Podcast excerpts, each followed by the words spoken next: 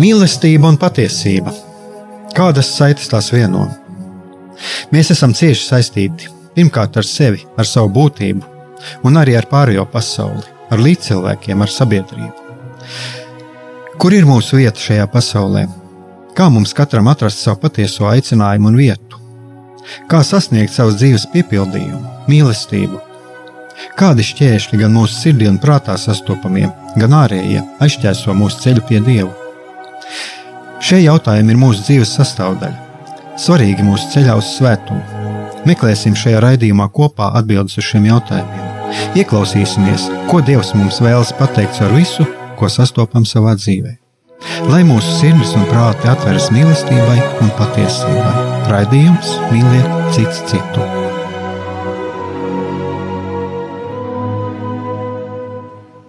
Esiet sveicināti, darbie radioklausītāji. Šis ir raidījums Mīlēt cits citu. Studijā atkal esam mēs, Aigars Brikmanis un Jānis Jakobsons. Un, un šodienas mūsu tēma ir, varētu pat šis varbūt tāda dažiem ļoti satraucoša. Un kāpēc? Tāpēc, kad es ieminējos par par to, par ko mēs gatavojamies runāt, tad bija tāda reakcija no cilvēkiem, no dažiem, ka uh, uzdeva jautājumu, vai tiešām par to vajag runāt. Vai šis jautājums var kādu neiejaunot, un, un kāda būtu cilvēka attieksme? Un tātad šīs dienas tēma ir seksuālā vardarbība.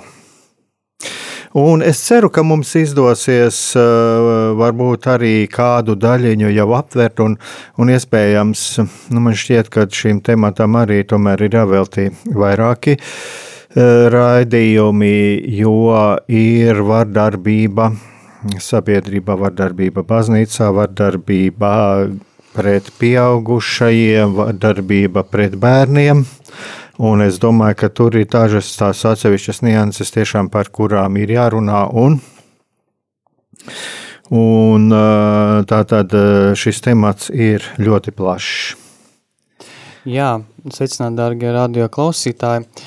Man ir doma, varbūt, Aigar, pirms mēs sākam, jā, tu gribēji kaut ko palabot, pirms mēs sākam šīs dienas tēmu, varbūt mēs varam nolasīt iepriekšējā uh, raidījuma jautājumus, jo uh, bija tā, ka mums iesūtīja klausītāji, jūs mums iesūtījāt jautājumus, mēs diemžēl nepaspējām uz viņiem atbildēt, bet mēs varam to īsā formātā izdarīt šo, šodien, šoreiz, un, un tad pievērsties jau šīs dienas tematam, Un arī iedrošināt, ka tie, kas no jums klausaties mūsu šodien, jūs varat arī uh, sūtīt savus jautājumus īsiņas veidā. Ja es tad nosaukšu numuru, un tad mēs izlasīsim to, to, to, to, to, tos jautājumus. Jā.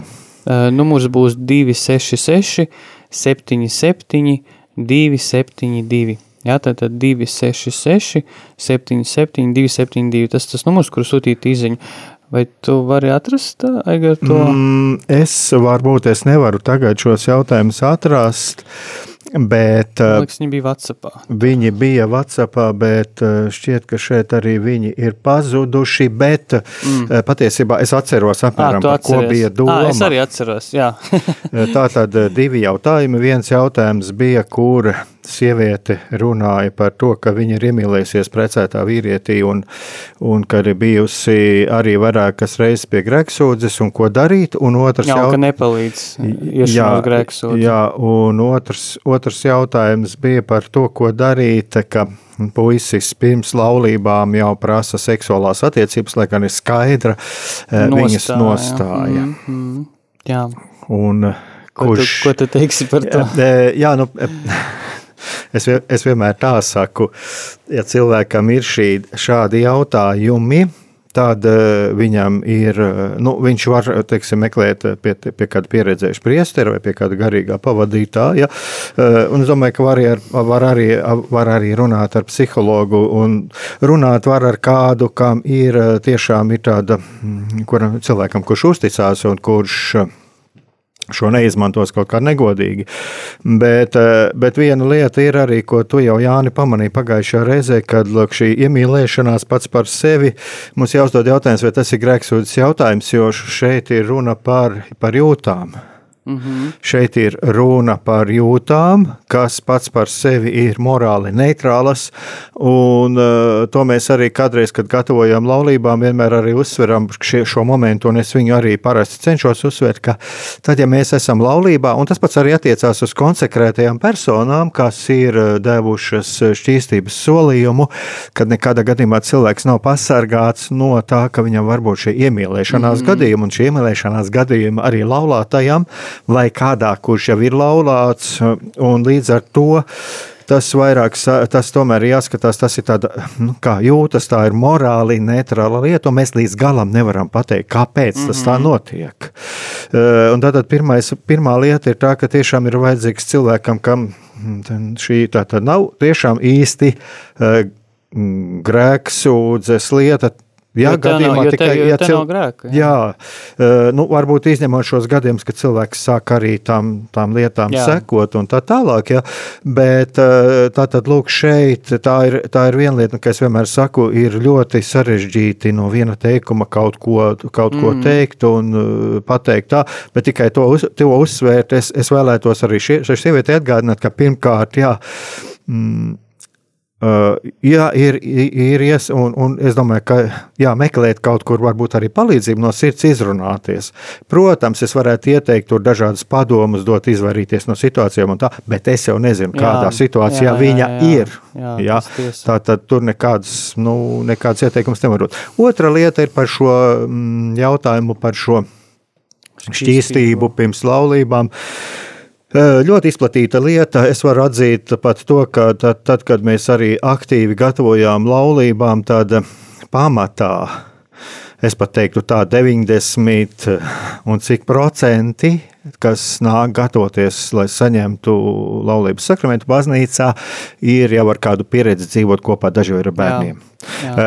Klasiskais variants, kas man vienmēr tā nāk prātā, ko, ko vismaz man nācies visvairāk saskarties, ir divi jauni cilvēki, atbraukuši uz Rīgu studēt, iepazinušies un kādu laiku padzīvojuši, un tad ir nolēmuši to nokārtot Dievu priekšā. Mhm. Uh, Jā, tāda ir šī situācija, bet es atkal es saku, es to nesaku, neaicinu tā dzīvot. Bet uh, mums jāņem vērā reālā situācija. Uh, es to neaicinu tā dzīvot. Bet ko gan es gribētu teikt arī šai sievietei, šai meitenei, kura uzdeva šo, kuru satrauc šī situācija, tomēr būt piesardzīgai, jo tur arī parādās tādas frāzes, jā, nu, tā tad tu mani negribi, eh, jā, tu, tu, puisis, tu, puisis tu, un tu, tu lauzies un, un bieži vien izsaka kaut kādas nepatīkamas piezīmes. Es iesaku tādā gadījumā būt ļoti uzmanīgiem, un šeit es esmu ļoti stingrs un, teiksim, tā varu skarbi pateikt, bet es gribu, domāju, ka mīlestībā ja šis puisis ne, nerespektē šīs meitenes attieksmi pret šķīstību, viņas, viņas ticībā balstīto pārliecību, tad viņai jābūt ļoti uzmanīgai. Mm -hmm. Protams, mēs nevaram, es nevaru atkal absolutizēt, es neesmu bijis klāt šajā situācijā. Jā. Mums jāsaprot, jauni cilvēki, mums ir šīs seksuālās ziņas, un, bet ja šis puisis sāk, ja, ja veidojas kaut kādas šīs manipulatīvās attiecības, tad, tad ir, nu, es domāju, ka tur ir arī ar šo puisi viss ir jāizrunā un skaidri jāpasaka sava nostāja šajā jautājumā. Jo pretējā gadījumā šādas uzvedības modelis var iet laulībā, kad ar kaut kādas šantāžas vai kaut kādas palīdzību cilvēks ne tikai seksuālajā lietā, mm -hmm. bet mhm. arī kaut kur citur mm -hmm. var panākt. Ja. Tas Es atgādinu, tas ir mans subjektīvais viedoklis, jo es nezinu šo situāciju. Es zinu tikai no viena teikuma, no viena ieraksta. Bet tur ir jābūt. Mm, jā, jābūt ļoti, ļoti uzmanīgiem. Jo savā ziņā tas, ko baznīca runā arī par to, šo šķīstību, tur ir arī savs pamats. Jo, ja mēs eh, kaut ko savu seksualitāti, uh, varam ziedot šo laiku, un lai mēs pasniegtu viens otram kā dāvanu pēc laulības sakramenta saņemšanas, uh, tas jau stiprina mūsu attiecības un mūsu patiesās mīlestības attiecības ar otru cilvēku. Nu, tas man apmēram tā par šo mm -hmm. tēmu. Jā, es no savas puses arī iedošu pavisam īsu komentāru. Atbildot uz pirmo jautājumu par to, ko darīt sievietei, kur ir iemīlējusies uh, precētā vīrietī, jā, būdama kristiete, un, un, un e, ir šī iešana uz grēku sūdzi, kas it kā nepalīdz, tad es arī atbildēšu tā kā Aigars līdzīgi, ja, kad uh, iemīlēties tas nav grēks. Neviens cilvēks, ne konsekrēta persona, ne, ne, ne vienkārši lais nav, pasa, nav pasargāts no tā, lai viņš iemīlētos. Un īstenībā te nav no kā sargāt, jo iemīlēšanās tas nav grēks. Jautājums, ko es daru ar savu iemīlēšanos? Ja, ja es vēlos darīt kaut ko, kas ir morāli ļauns, ja es vēlos, teiksim, izjaukt laulību vai pavadināt to vīrieti, ja, tad eh, mēs jau varam runāt, ka eh, šeit ir mm, problēma, kuru ir jārisina pie, pie priestera un ieteicams arī pie psihoterapeita. Eh, bet, ja es esmu vienkārši iemīlējies, tad uh, pirmkārt grēks te nav, otrkārt uh, grēks sūdzi tāpēc arī nevar palīdzēt, jo nav, nav, nav kam palīdzēt, te nav grēka iemīlēties, ja? tad, tad jautājums par to, ko es daru ar savu iemīlēšanos. Un otra lieta, ka, mm, manuprāt, Uh, šī pieredze, kas jums ir jā, ar šo iemīlēšanos, viņa daudz ko stāsta par jums. Tā kā jūs varat ar šo iemīlēšanos pieredzi uh, kaut ko vairāk iepazīt par sevi. Kādēļ jūs iemīlējāties tajā vīrietī? Kas ir tas, ko jūs viņā iemīlējāt? Jā?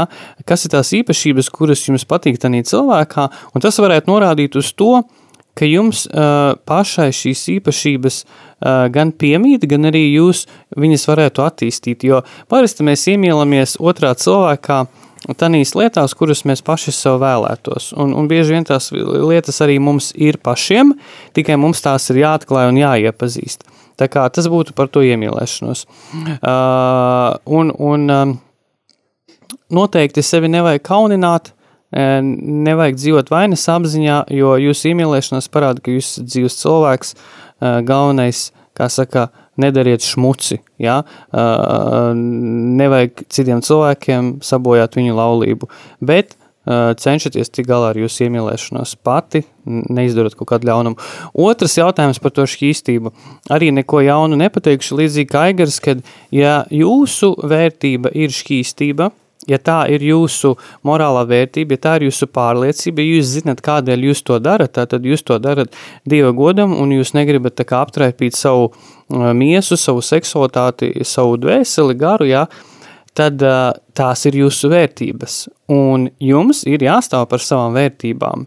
Cita lieta, ka mm, tas arī, ko, ko, ko mēs psiholoģijā mācam cilvēkiem, ka mums ir jāmāk būt elastīgiem, ja? mēs nevaram būt tā kā, Uh, ir lietas, kurās mums ir jābūt viengab, viengabalainiem, un šis, piemēram, ir šis jautājums, ja tā ir jūsu vērtība, šķīstība. Bet ir jāmācās būt elastīgam tādā ziņā, ka mm, tas, ka jums e, ir šādas situācijas, teiksim, ar šo, jaun, ar šo vīrieti, kurš kā, grib ar jums šīs seksuālas attiecības, un jūs viņam atsakat, tas viņam parāda to, ka jūs esat uh, sieviete un noteikti jūs pievelkat pretējo dzimumu, kas atkal ir labi, jo mums ir jāpievelk vienam pie otru. Tas, ka mums ir seksuāla vēlme, īstenot uh, mīlestības aktu ar pretējo dzimumu, tas ir ļoti apsveicami. Tas parāda, ka mēs esam veseli cilvēki. Ja? Ka mēs esam uh, normālā psiholoģiskā attīstībā, un tā ir mūsu dabiskā vajadzība. Es runāju par lejiem. Ja? Uh, bet, bet šeit atkal ir tas jautājums par jūsu vērtībām. Tad, tad jūsu vērtība ir pastājuši īstībā, un tas ir tas, ko jums ir jānokomunicē jūsu partnerim vai topošajam draugam, kad tā ir jūsu vērtība, jūs to nemainīsiet, viņam to ir jāciena, tā kā teica Aigars, ja, jo, ja viņš to neciena, ja viņš manipulē ar jums, tas nozīmē, ka jā, viņš arī laulībā uh, manipulēs uh, līdz kādam brīdim vai, vai, vai visu laiku, un um, tas nebūs labi. Tā kā manipulācija nav labi. Tā ir, tā ir uh, slikta lieta, punkts, un uh, pastāvēt par savām vērtībām un iepazīstiet savu seksualitāti vairāk iepazīstiet savu seksualitāti, kāda ir mana seksualitāte, kā es varu izpaust savu seksualitāti pirms laulības, gan attiecībās ar vīrieti, gan pati savā dzīvē tā, lai tur nebūtu grēka. Tas ir uh, diezgan grūts jautājums, bet viņš ir risināms, jā. Nu, kaut kā tā. Jā, Jānis ļoti labi arī papildināja to, ja, jo es jau vēlētos arī uzsvērt, ja atkal jāsaka, neesmu bijis šajā situācijā klāt, bet vienīgais, ko es varētu pateikt arī no savas pieredzes, saskaroties arī ar tiem cilvēkiem, kas nāk pirms laulībām ar šādiem jautājumiem, tad uh, ir viens, viena lieta, kas ir jāsaprot, ka uh, šīs lietas izrunāt, ja, jo, kā arī Jānis teica, tā ir pilnīgi, pilnīgi normāla lieta. To Dievs mums ir tādus radījis, kad ir šī pievilcība un ka šis cilvēks grib stāties šajās seksuālajās attiecībās, un tāpēc arī to, eh, to visu izrunāt to visu izrunāt, izrunāt arī par vērtībām, eh, atklāti izteikt šim cilvēkam, jā, jo Jā, jo tā ir mūsu seksuālā ziņa, tā ir pilnīgi normāla lieta. Jā, e, tikai uh, ir ļoti svarīgi tas, lai mēs būtu saimnieki par šīm lietām, nevis, nevis otrādi. Jā, mm -hmm. un, jā, -hmm. un, un arī šis savstarpējais respekts. Tagad gan es domāju, ka mums. Uh, būs jāpaņem kāda muzikāla pauzīte, un tad mēs varēsim pāriet pie, tieši pie šīs tēmas par Jā. seksuālo vardarbību. Man te ir arī tāda mazliet uztaisīta tādu uzmetumu, tādu ievadu, ar ko es gribētu sākt. Jā, Labi. jo tas ir arī ļoti daudz, tiek arī pēdējā laikā, paldies Dievam par to runā, un, un tad pēc muzikālās pauzītes turpināsim. Oh,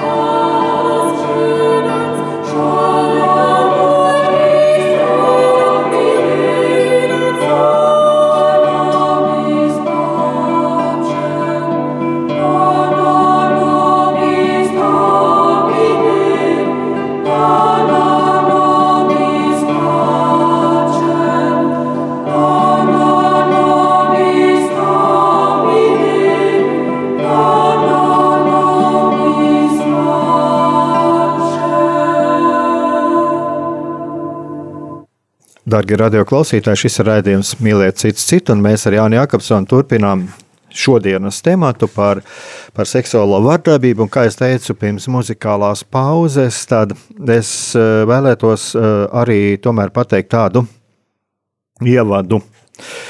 Un ar ko es vēlētos sākt? Es vēlētos sākt ar to, kāda var būt mūsu uztvere, tīri cilvēciski, pret jebkurām lietām, pret jebkuriem jautājumiem, par kuriem mēs saņemam kaut kādu informāciju. Un tas pats ir arī attiecināms uz mm, to, par ko runā par seksuālo vardarbību. Un, tā kā mēs esam cilvēki, mēs esam kristieši, katoļi, un ne tikai katoļi, bet arī citu konfesiju piedarīgie, vai arī tādi, kuri nepieder ne pie vienas konfesijas, tad lūk, ir ļoti svarīgi. Tas ir patiesībā svarīgi visai sabiedrībai. Un, ko es vēlētos uzsvērt, tas par, par to, kā mūsu domāšana var uztvert informāciju par seksuālo vardarbību. Un, kā mēs zinām, tad ļoti daudz, ļoti daudz pēdējā laikā ir informācijas par vardarbību katoļu baznīcā. Bet šeit, lūk, es vēlētos uzsvērt vienu lietu, ka, lai mēs varētu pilnvērtīgi par to runāt, un lai mēs vispār varētu kaut cik saprast šis, šo situāciju, ir jāņem vērā viena lieta. Es esmu jau kādreiz individuāli to cilvēkiem runājis, kas ir arī par šīm jautājumiem man uzdevuši jautājumus, vai arī kādreiz ar tādu nākuši tādu ļoti uzbrukošu nostāju par attiecībā pret baznīcu, eh, ka patiesībā mēs nevaram atraut to no notiekošā visā sabiedrībā, un mums ir jāsaprot, ka tā ir visas sabiedrības problēma. Tas ir viens. Otrs, ne jau nu tā ir, ka tas ir tagad pēdējo gadu laikā vai pēdējo gadu desmitu laikā, tagad ar vienu no vairāk parādās ziņas, ka tā ir vispārīga problēma nākusi. Mēs uzskatām, ka tas ir visā cilvēces vēsturē nācis līdzi, un es arī mazliet kā varbūt parunāšu kaut kad par, arī par, par tiem iemesliem, kāpēc. Un, tā ir viena lieta, kas jāņem vērā. Otrs ir jāņem vērā tas, ka kāpēc tieši baznīca. Kāpēc tieši baznīca un kāpēc tieši tik daudz runā par baznīcu? Es domāju, ka šeit ir viens ļoti būtisks faktors, kas mums jāņem vērā. Reizē, reiz par reizēm arī ļoti liels emocijas atceļ jautājums, piemēram, par vardarbību ģimenē. Bet kāpēc tad nav uzbrukums tāds ģimenē, bet ir uzbrukums baznīcai? Es domāju, tas ir viena iemesla dēļ nepastāv tāda juridiska persona, tāda globāla organizācija kā Katoļu baznīca. Un lūk, vienam vienam objektam, uz vienu objektu, eh, uz juridisku personu organizētu struktūru ir daudz vieglāk daudz vieglāk norādīt izpausties, jā. un izpausties. Kas, protams, ir labi, ka cilvēki to runā. Un es šeit negribu pateikt, ka baznīcā nav nekā. Nē, nē, ir ļoti liela vaina. To ir pats pāvests pateicis un pat runā. Un es piekrītu tam, baznīcai ir jālūdz atdošana, baznīcai ir jātīrās, jāšķīstās. Bet to mēs nevaram atraut no situācijas visā sabiedrībā. Viens piemērs Nē, man patiesībā šie divi piemēri uh, var būt, kas ir sekojuši līdz pasaulē notiekošajam. Ir tāds uh, Larijs Nasers, kas ASV vingrotāju vienos izlases uh, ārsts. Kurš tika notiesāts, būtībā viņš saņēma mūža ieslodzījumu par meiteņu uh, seksuālu izmantošanu. Un eh, ļoti traģiska situācija. Tur ir atkāpusies sporta organizācija vadība. Viens treneris izdarīja pašnāvību. Eh, un, lūk, bet šeit mēs redzam, kāpēc tas ir nonācis līdz mūsu arī Latvijā. Mums Latvijā tas šķiet, tas ir tālu, tas ir kaut kur Amerikā. Bet tā ir arī viena struktūra, kur tas acīm redzams. Otrs, jau kur pirms vairākiem gadiem jau rakstīta, ir ASV skautu organizācija, kuru faktiski, kā viņi paši saka, noveda līdz bankrotam, un uh, kur ir runa par to, ka lūk, šī uh, seksuālā vardarbība sniedzas jau līdz pat 20. gadiem. Es uh, pat, man šeit ir pierakstīts, un es arī mobilī atradu, šeit, ja kādam interesē, es domāju, ļoti ļoti viegli var ievadīt. Ir angļu valodā ļoti daudz aprakstīts smalki, latviešu valodā arī ir kādi materiāli, ja kādam interesē, to var atrast. Ja. Bet ko es ar to gribēju uzsvērt? To, ka tā, pirmkārt, tā nav mūsdienu problēma, kā varbūt mums cenšas pasniegt. Uh, tās ir bijis jau agrāk, tikai mūsu laikā par to sāk runāt un pateicība Dievam, ka par to sāk runāt. Otrakārt, eh, ka tā ir visas sabiedrības problēma, bet eh, daudz vieglāk un spilgtāk to var izgaismot tad, ja mēs pievēršamies kaut kādai konkrētai organizatoriskai struktūrai, kur tas notiek. Mm -hmm. Jā, jo nav tādas juridiskas personas, teiksim, atsevišķas, kā, nu, labi, vēl skolās arī, kas notiek, jā, bet, teiksim, katoļu baznīca ir ļoti liela organizācija. Es runāju šeit tieši kā par organizāciju. Tāpat ir šīs lielās Amerikā šīs sporta, sporta, sporta organizācijas, skauti un tā tālāk, jā, bet to nevaram mēs atraut no visa, no tā, kas notiek visā sabiedrībā. Mm. Jā, es no savas puses iesākšu ar to, ka uh, man patīk tas teiciens, ka uz uh, grūtiem jautājumiem nav vieglas atbildes. Jā, un, ja mēs uzdodam jautājumu, ko nozīmē seksuālā vardarbība, tad uh, manā skatījumā mēs nevaram, neviens no mums, mēs cilvēki, mēs nevaram pateikt, kā ir kaut kas, ja mēs neesam to savā dzīvē pieredzējuši. Respektīvi, mēs, mēs varam teikt apmēram mūsu domas un sajūtas par kaut ko, bet tas ir līdzīgi, ja man patīk šī analoģija, vai tu esi kādreiz braucis ar mašīnu? Nē, bet es zinu apmēram, kā tas ir, jo es esmu sēdējis blakus, bet tu neesi nekad stūrējis, ja? Vai tu esi kādreiz ēdis, nezinu, tur lasi, Ja? Nē, bet es zinu apmēram, kā viņš garšo, jo man stāstīja, ka viņš ir sāļš un, un viņš ir taukains. Ja? Un tas ir arī līdzīgi ar to, um, varbūt tādi nepavisam spil, tādi mūsu tēmai attiecīgi piemēri, bet tā doma ir, kad mēs uzdodam jautājumu, ko nozīmē seksuāla vardarbība, mēs tie, kas to nav piedzīvojuši savas sādas, mēs nevaram pateikt, tas nozīmē to, to un to. Un šis jautājums par seksuālu vardarbību, tas ir kaut kas ļoti tiešām trausls un ļoti sāpīgs, un es domāju, ka tie cilvēki, kas to ir piedzīvojuši, viņi ir piedzīvojuši ļoti milzīgas sāpes. Ja, un, un es uh, cik redzu arī no tādas, teiksim, statistikas psihologu darbā, tad nereti vien tie cilvēciņi, kuri ir piedzīvojuši šīs sāpes, seksuālās vārdarbības, viņi var to dzīvot visu savu dzīvi, nevienam par to nestāstot. Jo šeit darbojas viens tāds mehānisms, Tas cilvēks, kas veids šo ļauno aktu, seksuālo kaut kādu vardarbību ja, pār otru cilvēku, šis cilvēks, viņš īsteno ko? Ja mēs paņemam vārdu salikumu vardar, vardarbība, tā tad ir vara un ir darbība. Ja? Tā ir varas darbība. Tātad viens cilvēks grib izpaust savu varu pār otru cilvēku. Bet šajā gadījumā šī varas izpausme ir izkropļota visā savā būtībā, kas nodara otram cilvēkam nenormālas sāpes un, un ļaunumu. Ja? Tātad viens cilvēks grib īstenot savu varu pār otru cilvēku, un viņš atrod upuri, kurš šajā gadījumā cieš.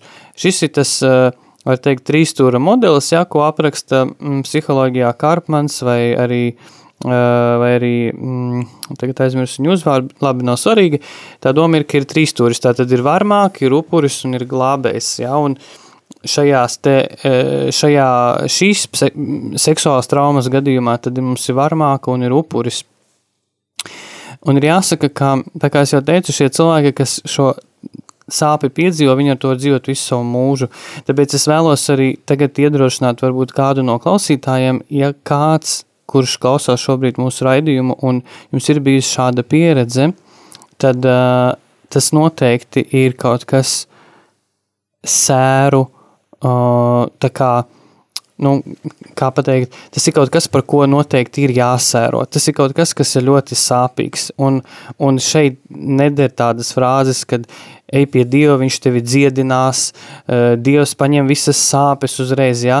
Tā kā, jā, Dievs var dziedināt, jā, Dievs ņem sāpes, bet mūsu sāpes viņām arī ir uh, pakāpes. Un šajā gadījumā šī seksuālās vardarbības pieredze uh, viņi ir ļoti, ļoti dziļi un sāpīgi, jo tas skar mūsu dvēseles dzīves, un, un šeit ir vajadzīga ļoti tāda rūpīga, maiga un, un ilgtermiņa pieeja šai, eh, šai, šai traumai.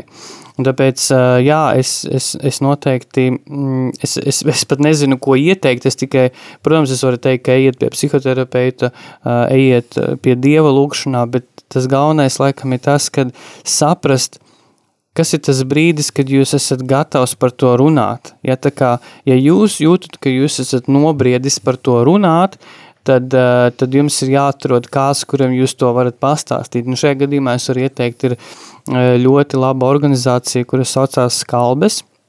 Un tur ir uh, tas ir kā krīzes intervencijas centrs, kur, kur var bezmaksas zvanīt jebkurā dienas laikā un vienkārši cilvēkiem, kas ir apmācīti, padalīties par kaut kādu savu iekšējo problēmu. Jā, tur zvan cilvēki, kuriem ir, uh, teiksim, vēlam izdarīt pašnāju vai ir uh, smaga depresija, tās pašas dažāda veida psihotraumas, seksuālās vardarbības traumas. Uh, Un cilvēki zvana un dalās, un tad viņiem tur tālāk jau sniedz to emocionālo un, un, varbūt pat psihologu atbalstu ilgtermiņā turpmāk. Ja?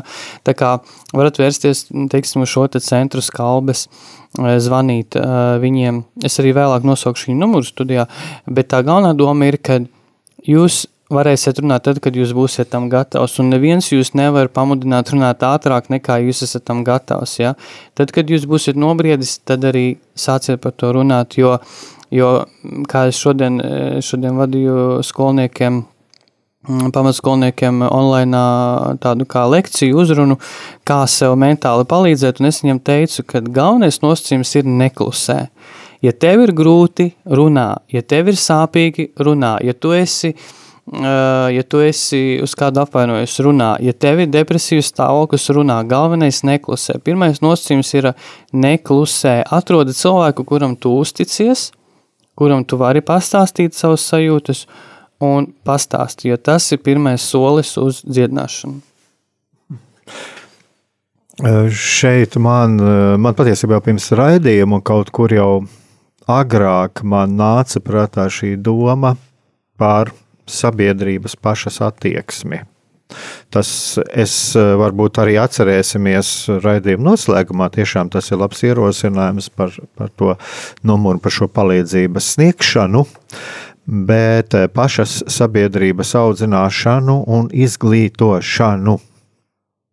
Jo mm, man Es tomēr uzskatu, ka arī ļoti sāpīgi ir šiem cilvēkiem, kas ir piedzīvojuši šo vardarbību, ir Jā, mēs eh, neesam to pašu piedzīvojuši. Mēs nevaram pateikt, es jūtu tev līdzi. Bieži vien tas ir mm, to cilvēku, var ievainot pat. Jā. Eh, bet eh, vienkārši būt klusējot blakus un censties viņai ieklausīties. Un ļoti bieži nācies arī saskarties ar tādām lietām, ka mm, cilvēks netiek saprasts ne ģimenē, ne apkārt pie draugiem Un man nāk prātā viens tāds gadījums, ko es piedzīvoju. Tas vēl es biju pavisam, pavisam jauns, kādi 25, 26 gadi. Es pat neatceros, par ku, kādā sakarā mēs runājām, bet uh, tēma bija par izvarošanu. Pieskarāmies izvarošanas tēmai, un, lūk, un tur viens cilvēks, uh, kurš ir ļoti pieredzējis, viņš jau bija vectētiņš tajā laikā. Un viņam tāda frāze vienkārši, nu, tā sievietē jau patiesībā tā izvarošana nav tik traki, tur jau viņa var būt kaut kāda bauda. Es vēl atceros, ka toreiz es viņam ļoti, ļoti iebildu, būdams jauns cilvēks, un, protams, man nav tā, toreiz nebija tā, tā kā tagad tā pieredze un izpratne, ja, bet nu, to vienu lietu es sapratu, ja, ka nu, gluži tā nevarētu būt. Man tomēr bija kaut kā tā sajūta, ka tā ir kaut kāda svētuma robeža pārkāpta. Un, ja mēs paskatāmies vēl reiz par reizēm, nu, varbūt pat pie vecākās paudzes, un varbūt dažam jauniem ir aiznāks arī tās teiciens, nu, laužās kā jauna meitene. Ja. Jo atkal šeit jau par seksuālo vardarbību mēs nevaram runāt tikai tādu, kā, nu, teiksim, kur ir vardarbīgs dzimumakts. Tas var sākās no vārdiem, no pieskārieniem, un tad tikai un, un līdz pat tādai, teiksim, fiziskai jau darbībai. Ja. Tā kā šeit es domāju, ka ir arī tā lieta, ka ir labi, ka ir tādas skalbes, ir labi, ka ir cilvēki, kam var uzticēties, mm -hmm. bet uh, jā, šī patiesībā šīs sabiedrības izglītošana, mācīt sabiedrībai kļūst, kļūt empātiskai. Jā. Jā, par empātiju man liekas, ļoti labi tieši pieminējies, jo es arī zinu, pēdējā laikā lasot uh, Facebookā šos komentārus, kā cilvēki nievā ārstus. Uh, kā viņi nievā politiķus, ārstus, slimnīcu vadītājus, ja, par to, ka pandēmijas nav un vis, visas šīs runas. Ja. Tā kā vienā brīdī es priekš es sapratu, ka personīgi es, es vēlos arvien vairāk distancēties no, no šīm visām ziņām, jo tas, tas negatīvisms, pilnīgi gribu teikt, kā enerģija, ja tā, tā negatīvisma bumba, kura šobrīd sociālajos tīklos tiek novērota, viņi ir ļoti, ļoti, ļoti liela, un tas liecina par to, ka, kad, kad mūsos pietrūkst tās empātijas. Jā, viens piemērs vakardienas uh, klausījos panorāmu, un tur viens cilvēks, kuru es personīgi pazīstu, es viņu pirms pāris mēnešiem redzēju dzīvē, jā, es zinu, ka šis cilvēks ir cik, cik no es viņu pazīstu, viņš ir diezgan godprātīgs cilvēks, jā, viņš ir precējies cilvēks, viņš ir kārtīgs cilvēks, un viņš nesen bija saslimis ar covidu. Un, un uh, viņš par to rakstīja jau pirms mēneša savā Facebookā, jā, cik viņam grūti gāja, un ka visi ģimene bērni mazi saslima, viņš saslima, sieva saslima, ka viņam bija ļoti smaga gaita, viņš pat vienā brīdī domāja, ka viņš varbūt nomirs, jā, un tad viņam ir tagad pēc, pēc slimošanas ļoti lielas sekas. Uh, Un cilvēks par to stāsta vakardien panorāmā, un es lasu kā komentāros Facebookā kāds uh, cilvēks raksta, jā, par to, ka cik tev samaksāja naudas par šo propagandu, jā. Kad es zinu cilvēku pats personīgi, un es jau to redzēju pirms laika, jā, kad cilvēks rādīja, ka viņš tur viņš bija slimnīcā, viņš atzīmēja Facebookā, un, un nu, cilvēks nemelo, viņš saka taisnību, bet mēs acīs viņam sakam, ne, tu mēlis, cik tev par to samaksāja, jā. Tad, tad Šī, šāda veida komentāri un vis, vispār tās tendences, kas šobrīd līdz ar Covid sākušās, parāda to, ka mums, nu, diemžēl, ar šo empātiju ir vēl ļoti jāaug. Jā, ka ir ļoti daudz cilvēku, kuriem piemīt šī antisociālā uzvedība, jā, kas ir diemžēl raksturīga, piemēram, cilvēkiem, kas ir cietumnieki. Jā, jo cietumnieki pārsvarā ir antisociālas personības, tāpēc viņi arī nevar iekļauties sabiedrībā. Un šāda veida agresija, kaut kādi draudi, acīm redzamu lietu noliekšana parāda parāda par kaut kādu tādu antisociālu faktoru cilvēkā, jā, kā personībā. Un, un šeit mēs kā varam nedaudz uh, atgriežoties pie mūsu temata, ka, piemēram, kas ir tie cilvēki, kas dara pāri otram, ja šie te varmākas, viņi ir antisociālas personības, jā, tāpēc ja mēs skatāmies, teiksim, baznīcas kontekstā, nu, mēs nevaram pateikt, ja, kad, uh, kad, kad visā baznīcā visi priesteri ir ar šādu problēmu vai visi, visas konsekrētās personas. Tas būtu līdzīgi teikt, kā, piemēram, ir liels uzņēmums, ja, un paņemsim uzņēmumu Apple, ja, kas ir vien, viens no bagātākajiem uzņēmumiem pasaulē. Tas ir tehnoloģiju uzņēmums, kas ražo telefonus, tur, tur austiņas, datorus, uh, viens no bagātākajiem uzņēmumiem. Viņam tur līdz pat triljonam, laikam, tas ienākumi. Bet, ja, ja tādā uzņēmumā kāds cilvēks būs, uh, pieņemsim, pedofils, ja? mēs taču nevaram teikt, ka viss uzņēmums ir pedofilu kantoris. Ja, tā kā uh, mēs nevaram pateikt šādi, jo tas nozīmē, ka ir indivīds, kas šajā uzņēmumā, nu, diemžēl, ir tā, tā melnā vārna, ja, kuru ir no turienes jāizrev ārā. Tāpat mēs arī nevaram pateikt, ka pa baznīcu, ja ir cilvēki bijuši vēstures gaitā, kas ir izkropļojuši baznīcas tēlu, mēs nevaram pateikt, ka visa baznīca ir kroplis. Jā, tad mēs varam tikai pateikt, ka tie cilvēki ir nesuši savu kroplī baznīcā iekšā. Un šeit ir jāsaka, ka šie cilvēki, kas dara šo te vardarbību, šie cilvēki, viņi ir ļoti antisociālas personības, jā. Viņi it kā ielavās, Viņi it kā grib būt sociāli, bet tā ir ārējā maska. Un zem šīs maskas slēpjas tas, ka cilvēks ir antisociāls, jo viņā ir šī neadekvātā tieksme pēc varas, pēc vardarbības, pēc sava kā, spēka izpaušanas. Un, diemžēl tas uh, sekmējas tanī, rezumējas tanī, ka cilvēks izmanto šo savu kaut kādu fizisko vai psiholoģisko uh, manipulāciju, fizisko pārsvaru darīt mazāk aizsargātajiem pāri. Jā, šeit ir divas lietas. Viens ir uh, fiziska manipulā, fiziska vārdarbība, bet eh, ļoti daudz jau ir arī šie gadījumi man, man, ar manipulēšanu. Un man nāk, piemēram, arī prātā tas ir bēdīgi slavenais gadījums ar Žanu Vanjē, jā, kur arī notika šī manipulēšana ar šīm sievietēm, jā, un uh, tur arī man, es izlasīju Rīgas laikā vienu rakstu arī, kur, jā, tur faktiski eh, man, man pat ir tādas samērā, šeit man viņš ir jāpaskatās mobilajā. Eh, es pievienoju sākuma ekrānā, eh, bet katrā ziņā, ko es, ko es gribētu atkal atgriezties pie tā, ko kā, mm, ir. Eh, jā, ir jāsaprot to, ka vārdarbība nav tikai fiziska spēka pielietošana. Ja, bet es domāju, to tagad atkal pēc kādas muzikālas pauzītes, un tad es pa paskatīšos arī šo materiālu, par ko es gribēju runāt.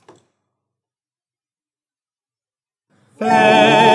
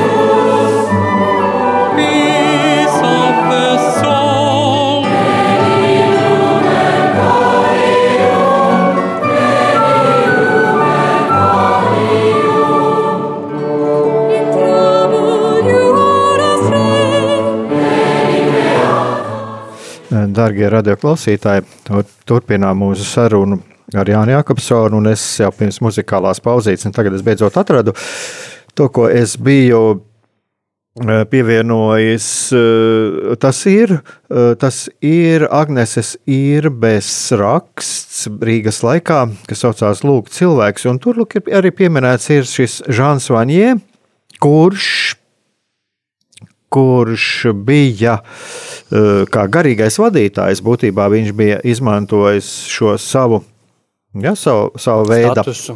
statusu. Turklāt, būdams daudzu acīs, kā tāds nu, ļoti svēts cilvēks, kurš ir ļoti daudz darījis.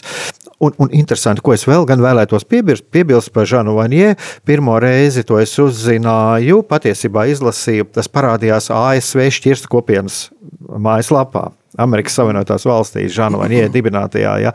Tā kā tas arī parāda, ka baznīca nu nekādā gadījumā šos gadījumus neslēpja. Bet ko es eh, vēlējos eh, uzsvērt, to arī tam pieskāries, ka arī viena no tām problēmām kādreiz ir saskaroties arī piemēram ar tiem pašiem maniakiem, ka apkārtējie cilvēki bieži vien nesaprot to. Viņi saka, kā viņš tik laipns, cilvēks jā. tik labi ģimenē dzīvoja un lūk, izdarīja šādu mm, lietu. Ja.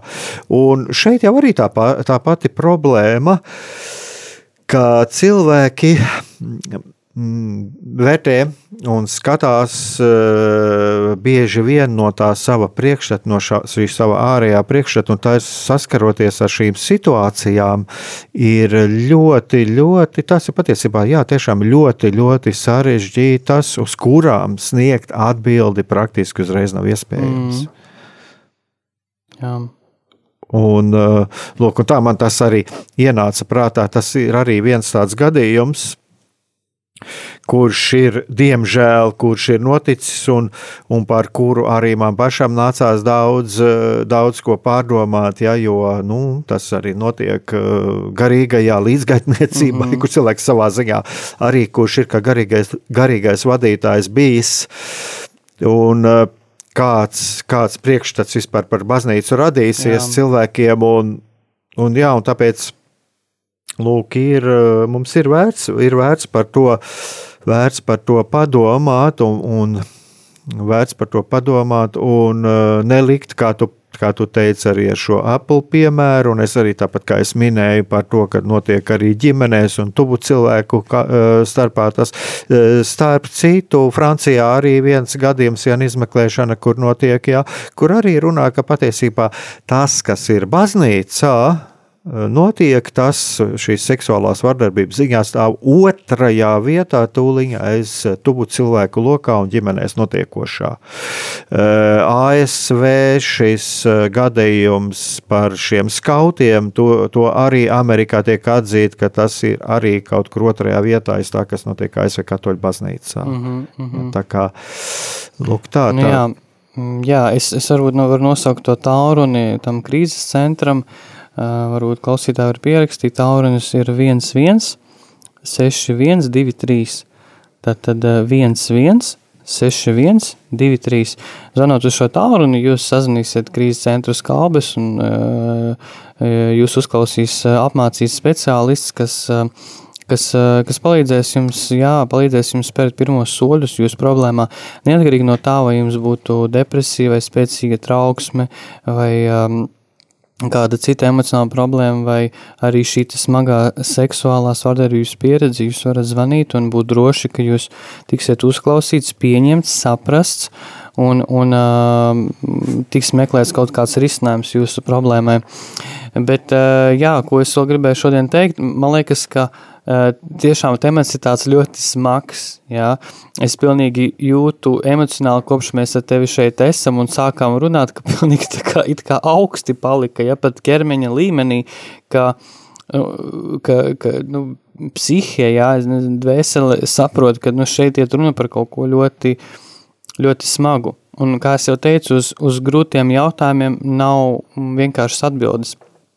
Un tāpēc, jā, tas, ko es šajā raidījumā šodien teiktu, ir, ka, ja jums ir bijusi šāda pieredze, tad tajā brīdī, kad jūs būsiet nobriedis, runājiet par to, atrodiet cilvēku, ar kuru jūs varat to izrunāt, vai tas būtu psihologs, psihoterapeits, priesteris, garīgais pavadītājs, vai varbūt kāda cita uzticamības persona, šis te krīzes tālrunis, jā, bet tā kā runājiet par to, neturiet to sevi. Bet tad, kad jūs nobriedīsiet, no, nobriedīsiet, otra lieta ir tā, ka seksuāla vardarbība viņa atstāja sekas uz visu dzīvi, un tā noteikti ietekmē turpmāko attiecību veidošanu ar cilvēkiem un ar pretējo dzimumu. Vēl jau vairāk tā ietekmē attiecības ar pašu Dievu.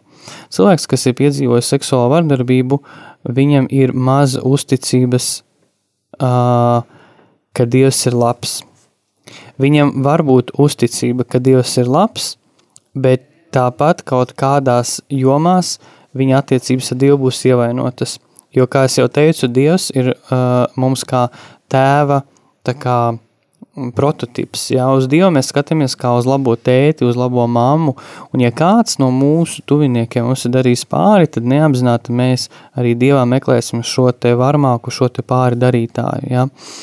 Un tāpēc um, uh, es arī atkal varu pateikt, ka es jūs pilnīgi ļoti labi varu saprast tos cilvēkus, un, un, un, un es domāju, jebkurš speciālists šajā jomā, gan garīgais līdzgaitnieks, eh, mēs saprotam to, ka, ja cilvēkam trūks kaut kādas vai nu paļāvības, it kā trūkst paļāvības uz Dievu, īstenībā viņam netrūkst tās paļāvības uz Dievu, jā, bet tādā ziņā, ka, ja cilvēkam ir kaut kādas problēmas attiecībās ar Dievu, bet viņš ir piedzīvojis šādu smagu seksuālās vardarbības pieredzi, uh, tad tas ir tikai normāli, kad ir grūtības attiecībās gan ar Dievu, gan ar līdzcilvēkiem, jo jūsu šī smagā pieredze ir atstājusi smagas sekas. Ja?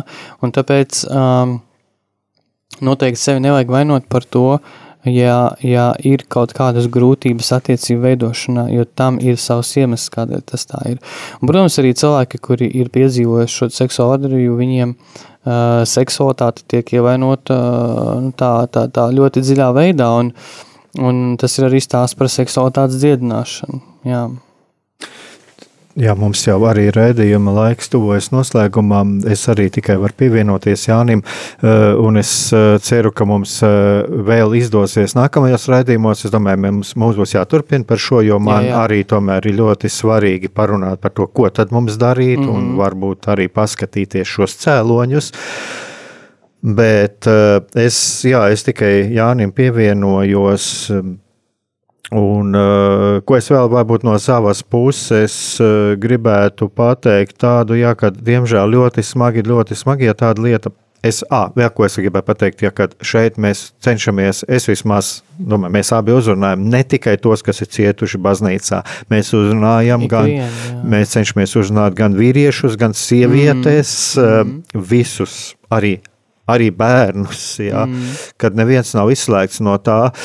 Un, Jā, jums varbūt ir grūti tagad to sajust, jums ir grūti varbūt to sajust, ka arī Dieva mīlestība šajā brīdī, arī nenobīties tajā brīdī un nejust sevi vainu. Mm -hmm. Un, protams, atkal es nevaru, mēs neviens nevaram piespiest sevi, um, ne, nevaram piespiest cilvēku nejust sevi vainu par to, ka viņš dusmojās, par to, ka viņš ir bijis izmantots, un arī galu galā par to, ka viņš dusmojas uz Dievu. Mm -hmm. Es vienā raidījumā par to teicu, mm -hmm. jo patiesībā arī dusmošanās uz Dievu nav grēks. Jā. Svarīgi ir tas, ko, ko mēs darām tālāk. Un tāpēc es arī vēlētos iedrošināt, tāpat kā Jānis, meklējiet šo palīdzību tad, kad esiet gatavi. Jā. Tad, kad esiet gatavi, jums nav sevi jālauž, mm. jums nav sevi jālauž, bet meklējiet šo palīdzību. Tad, kad esiet gatavi Jā. pie kaut kā, kam jūs varat uzticēties, kas tiešām e, ir jums blakus šajā grūtajā brīdī, un saprotiet, ka jūs esat uh, svarīgi, jūs esat mīlami. Tā nav jūsu vaina, kad jums, mm. ar jums tas mm. ir noticis. Vainīgs ir tas, kas jums ir nodarījis pāri. Mm. Tā Jā. nav jūsu vaina. Jūsu vērtība ir neizmērojama tāpat. Jūs esat tādi paši kā mēs visi cilvēki. Jūsu vērtība Dieva acīs ir neizmērojama. Jā. Jā, un, Jūs un... esat dārgi Dieva acīs. Mm. Un Tāpēc es, jā, jūs esat mīlēti, tas ir tas, ko es vēlētos pateikt. Un, jā, un, un ir cilvēki, kas jums palīdzēs. Un ir cilvēki, kas jums labprāt palīdzēs. Un tagad gan būs jānoslēdz, un, un es atkal, kā jau mēs esam šeit sākuši šajā sezonā, vēlos noslēgt ar lūk, lūkšanu. Mīļais debes Tēvs, Tu esi klātesošs mūsu visu dzīvēs, un esi klātesošs arī šo nevainīgo upuru dzīvēs. Pieskaries viņu sirdīm, apmīļo viņus ar savu mīlestību, lai viņi sajūta tavas mīlestības pieskārienu un dod viņiem arī tavas mīlestības vēstules, tavas mīlestības nesējus, mīlošus, uzklausošus cilvēkus, ar kuriem viņi var darī, dalīties, un ļauj viņiem būt par tavas mīlestības instrumentu katra cilvēka un katra ievainotā cilvēka dzīvē. To mēs lūdzam caur Jēzu Kristu, mūsu kungu. Āmen! Āmen, jā, un es, es no savas puses arī īstu lūkšanu izteikšu, kad, jā, jā, kungs, es lūdzu tevi, lai tu tiešām pieskaries pie, pie šiem cilvēkiem un pie mums katra, un, uh, lai tu mūs māci būt, būt patiesiem, bet nedarīt sev pāri, nesasteigt nekādus lēmumus, nesasteigt kaut kādas mūsu domas vai jūtas, lai mēs daram visu īstajā laikā, un tad, kad mēs esam tam nobrieduši un ielieku Dievs mūsu raigaru un katru cilvēku, kas šodien mūs ir klausījies tavās rokās. Uh, Jēzus Kristus vārdā mēs to lūdzam Dieva Tēva un Dēla un Svētā gara vārdā. Amen.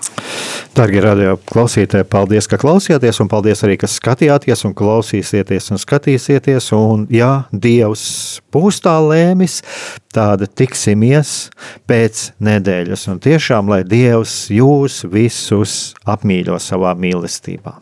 Visu gaišu ar Dievu!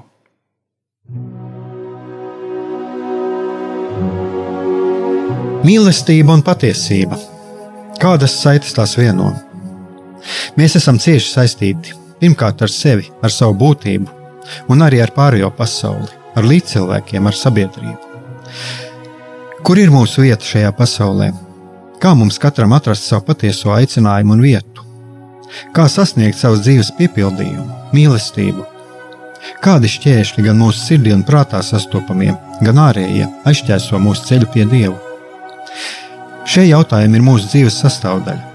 svarīgi mūsu ceļā uz svētumu. Meklēsim šajā raidījumā kopā atbildes uz šiem jautājumiem. Ieklausīsimies, ko Dievs mums vēlas pateikt ar visu, ko sastopam savā dzīvē. Lai mūsu sirds un prāti atveras mīlestībai un patiesībai, raidījums mīliet citu citu.